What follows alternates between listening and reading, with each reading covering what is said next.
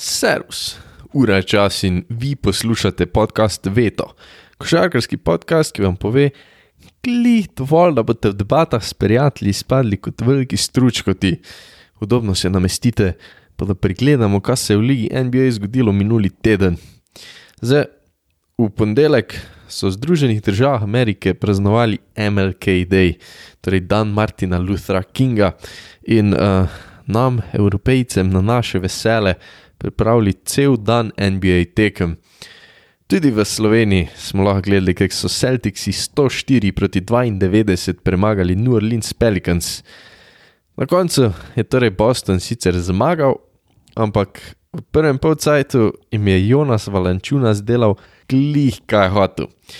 Zdaj, tu je se še enkrat nekako pokazalo pomankanje fizičnega centra pri Bostonu, no, eh, je pa tudi celotna prva peterka pri Pelikancih dosegla dvomestno število točk. Zelo zaokrožena predstava, se je pa za zmago v drugem polcajtu v klopu Jason Tatum, zvezdnik Bostona, dosegel 21 od svojih 27 točk, kar je definitivno pomagalo. So imeli pa tudi pri Bostonu zaokroženo predstavo, tudi pri Bostonu so imeli vsi v prvi postavi vsaj 10 pik, Dennis Schroeder in Jalen Brown celo plus 20. Pol, uh, za to tekmo je pa NBA sprožil tudi več igerni prenos, ali kako bi rekel to, ko so preklapljali med tem, kjer o tekmo so nam predvajali. Ne. Zdaj, ne vem, kako se vam to zdi, meni ne sede osebno. Mislim, da bi med dvema tekmoma preklapljali, bi še mogoče šlo, lahko vsaj večino zanimivega dogajanja pokriješ, medtem ko če gremo pa ko ping-pong žogice levo, desno, gor, dol, nazaj, naprej, pa težko kaj dejansko konkretnega odneseš od kjerkoli tekmene, posod vidiš malo vsega. Tako da eh, jaz imam, hvala Bogu, lik pes, tako da sem šaltal pol tja in si pogledal še večino Clevelanda, pa Brooklyna in pa, pa še normalno Memphis proti Chicagu. Torej, Cleveland, Brooklyn, uh, Cavaliersi so sicer zmagali. 114-107, Brooklyn je vsaj za en mesec ostal brez Dorenta, ki si je nategnil stransko vez v kolenu, ampak na tej tekmi je bil zanimiv en drug dvoboj. Darius Garland proti Kyriju Irvingu. Zdaj verjetno veste, da je bil Kaj pri Cavaliersih super talentiran, ampak brez playoffov, dokler ni prišel torej LeBron James nazaj v Cleveland, pol sta osvojila pol je pa Kajri šel v Boston, kao po svojo ekipo, pa smo vsi videli, da ni sposoben več svoje ekipe. In Darius Garland nekako hodi kar po podobnih stopinjah. Nista zdaj sicer res full ista igralca, no, Irving je nenormalen scorer, medtem ko je Garland bolj tisti čisti playmaker, ki ti jih redno capne prek 20, pa več kot 10 asistencno. Eh, zadnjič jih je proti Oklahomi imel celo 18, noro. V glavnem, eh, zgodovina proti prihodnosti Clevelanda, oba sta bila, torej Kyrie in Garland, sta bila najboljša igralca svojih moštev. Irving jih je na SUS 27, dodal 7 skokov, 9 asistenc, Garland jih je imel 22 ob 6 skokih, 12 asistencah. Um, je pa tudi Darius tu še ukrepil svoj argument za uvrstitev na All-Star tekmo. Zdaj na tej tekmi ste verjetno eni videli tudi video, ki je zaokrožil po družbenih omrežjih, neka navijača sta mal lapala Irvingu, Kajri pa je odgovoril, da jim je prinesel prvenstvo, pa še vedno niso hvaležni. In pol je en od teh šupčin rekel, da je just one, torej kao sam eno prvenstvo. To je zelo, zelo zgrešen komentar. V Cleveland je prišlo prvenstvo prvič po 50 letih, pol franšiz, Zdaj, če pretiravam v NBA-ju, še sploh nima naslova prvaka. Tako da, da nekaj takega izuštiš nekomu, ki ti je dejansko pač osvojil prvenstvo, se lahko staneš, zapustiš dvorano, se nikoli več ne vrneš. Eh, in ja, no. Eh, kar se zadnje tekme tiče, ki sem jo gledal na MLK Day, pa je bila med Chicagom in pa Memphisom. Grizzly so zmagali 119 proti 106, je pa treba tu povdariti, da je Chicago kar hudo oslabljen. Eh, največji manjko si tako pozna Zek Lavin, rehabilitira poškodbo kolena, pa pa nimajo glavnih obrambnih gardov, Lonza Bola, ki ima tudi težave z natrganim meniskusom, manjka pa jim še Bod Mamba, veliki Alex Caruso. Pa imaš tu še Vučeviča, ki ne skine morja z ladje, Uh, Vučevič je tudi neverjetno obrambni handicap, od tu do Chicaga. In uh, Bullsi preprosto niso parirali, Memphis pa je pač bil boljši, celo mogoče kot kaže ta končna razlika ne, v rezultatu. Še ena ekipna predstava Grizzlyjev, še ena predstava hudo vroče ekipe. Jamorant, Desmond Bain sta oba imela 25 pik, še štirje košarkari so jih imeli čez 10, pol je Steven Adams pobiral skoke, pa imel kar šest asistent, um, Jaren Jackson Jr. za lepo pet blokad, pol imaš tu še Tyusa Jonesa, ki ti sklopce prispeva osem asistov. Memphis je res taka mlada, zelo, zelo všečna ekipa, ki ima noro veliko kvalitetnih opcij. In če enemu košarkarju mogoče ne gre, preprosto drug stopi v njegove čevlje. Zdaj, Je pa tu še treba omeniti dve situaciji iz te tekme. Obe sta povezani z Morentom. Uh, imel je en tak hudo lep, smooth 360 layup, definitivno poteza tekme, pa se je pa zapletel en prepir in uh, nekaj fizičnega odrivanja s Tonyjem Bradleyjem. Tony Bradley je center Chicaga, Bradley je 210 visok, 115 kg težek center ki lahko po vsej verjetnosti pajsne džajane. Ampak nič skrbeti, Steven Adams, Aquaman, Jason Momoa, NBA, Kiwi iz Nove Zelandije.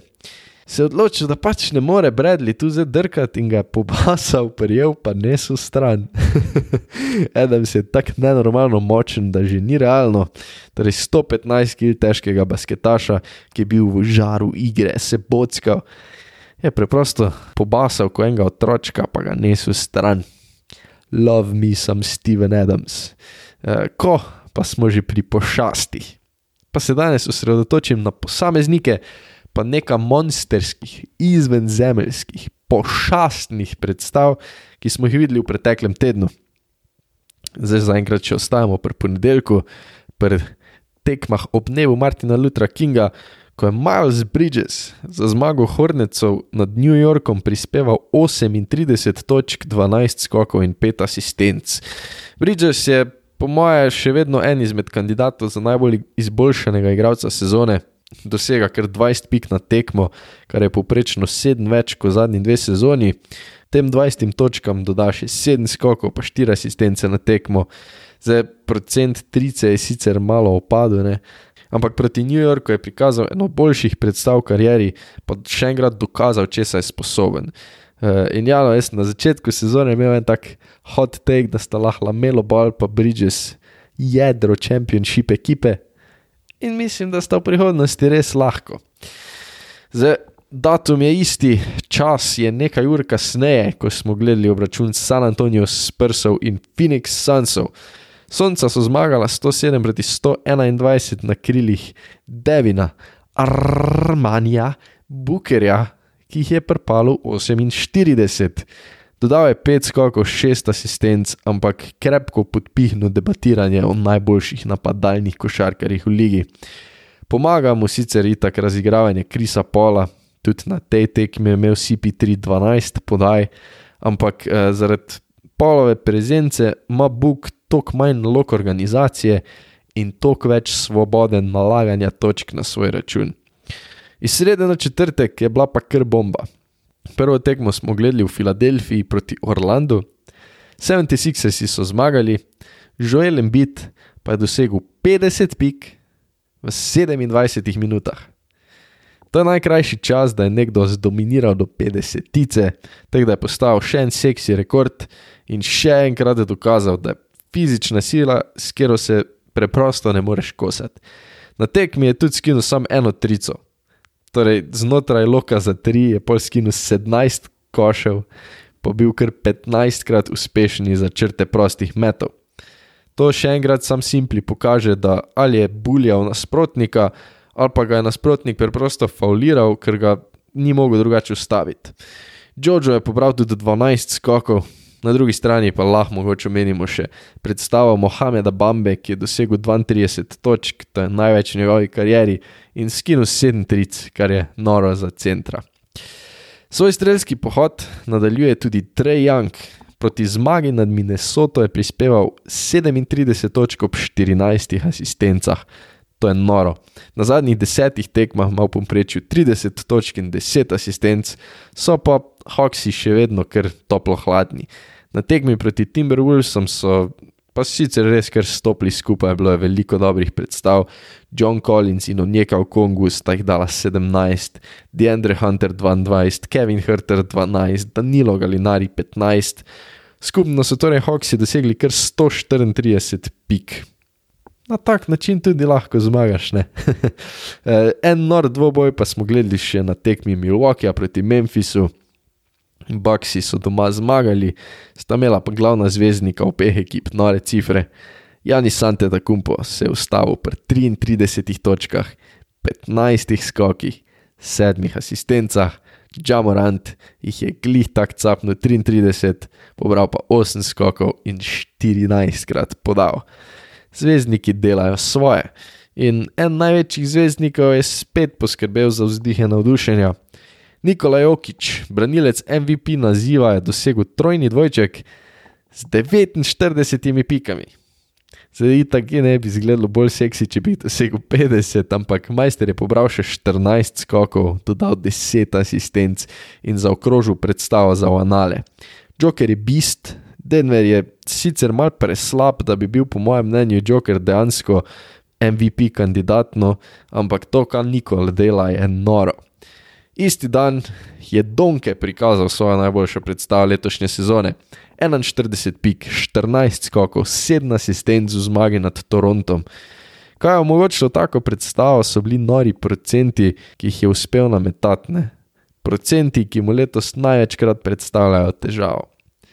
Donke je metal 40 posto za 3, 54 odstotno iz igre, 92 črte prostih metov. Making us proud. Pol jih je šef Curry proti Pacersom na su 39, dodal 5 skokov, 8 podaj. Danes po noči, torej iz petka na soboto, jih je Embiid spet zapnil 40, pobral 13 skokov, dodal 6 asistenc. Na tekmi med San Antonijom in Brooklynom smo videli dva triple-dubla. James Harden je dokazal, da je še vedno elita, na su 37 točk in dodal 10 skokov, 11 asistenc. Na drugi strani že skoraj triple-double mašina, ratuje Držante Murray, moj favorit za najbolj izboljšanega igralca sezone. Murray je imel na zadnjih dveh tekmah trojni dvojček, na tej tekmi proti Netsom pa je Hardnu skušal parirati sicer s 25 točkami, 12 skoki, 10 podajami. Murray se razvija v all-star kaliber košarkarja. Zdaj po noči sta se udarila tudi Dža in Jokič. Morant je svoje grizlje z 38 točkami popeljal do zmage, Joker je spet dosegel trojni dvojček s 26 točkami. V glavnem, verjamem, da je bilo veliko številk, mogoče jim je bilo težko slediti, ampak bil je res nor teden. Že če bi čist malo razširil te iskalne parametre, bi lahko le omenil še veliko, veliko majstrov. To je bil teden velikanov košarke, teden pošastnih predstav. Je pa to, to za danes. Hvala vsem, ki ste si vzeli cajt. Zelo noro vesel bom, če se naročite na podcast, ga delite ali pa od srca, res iz duše priporočite prijateljem, ker to pomeni največ. Vesel bom seveda vseh komentarjev, debat, dobite me na vseh družbenih omrežjih, linke do vsega imate v opisu epizode. Do naslednjega tedna pa bodite fajn.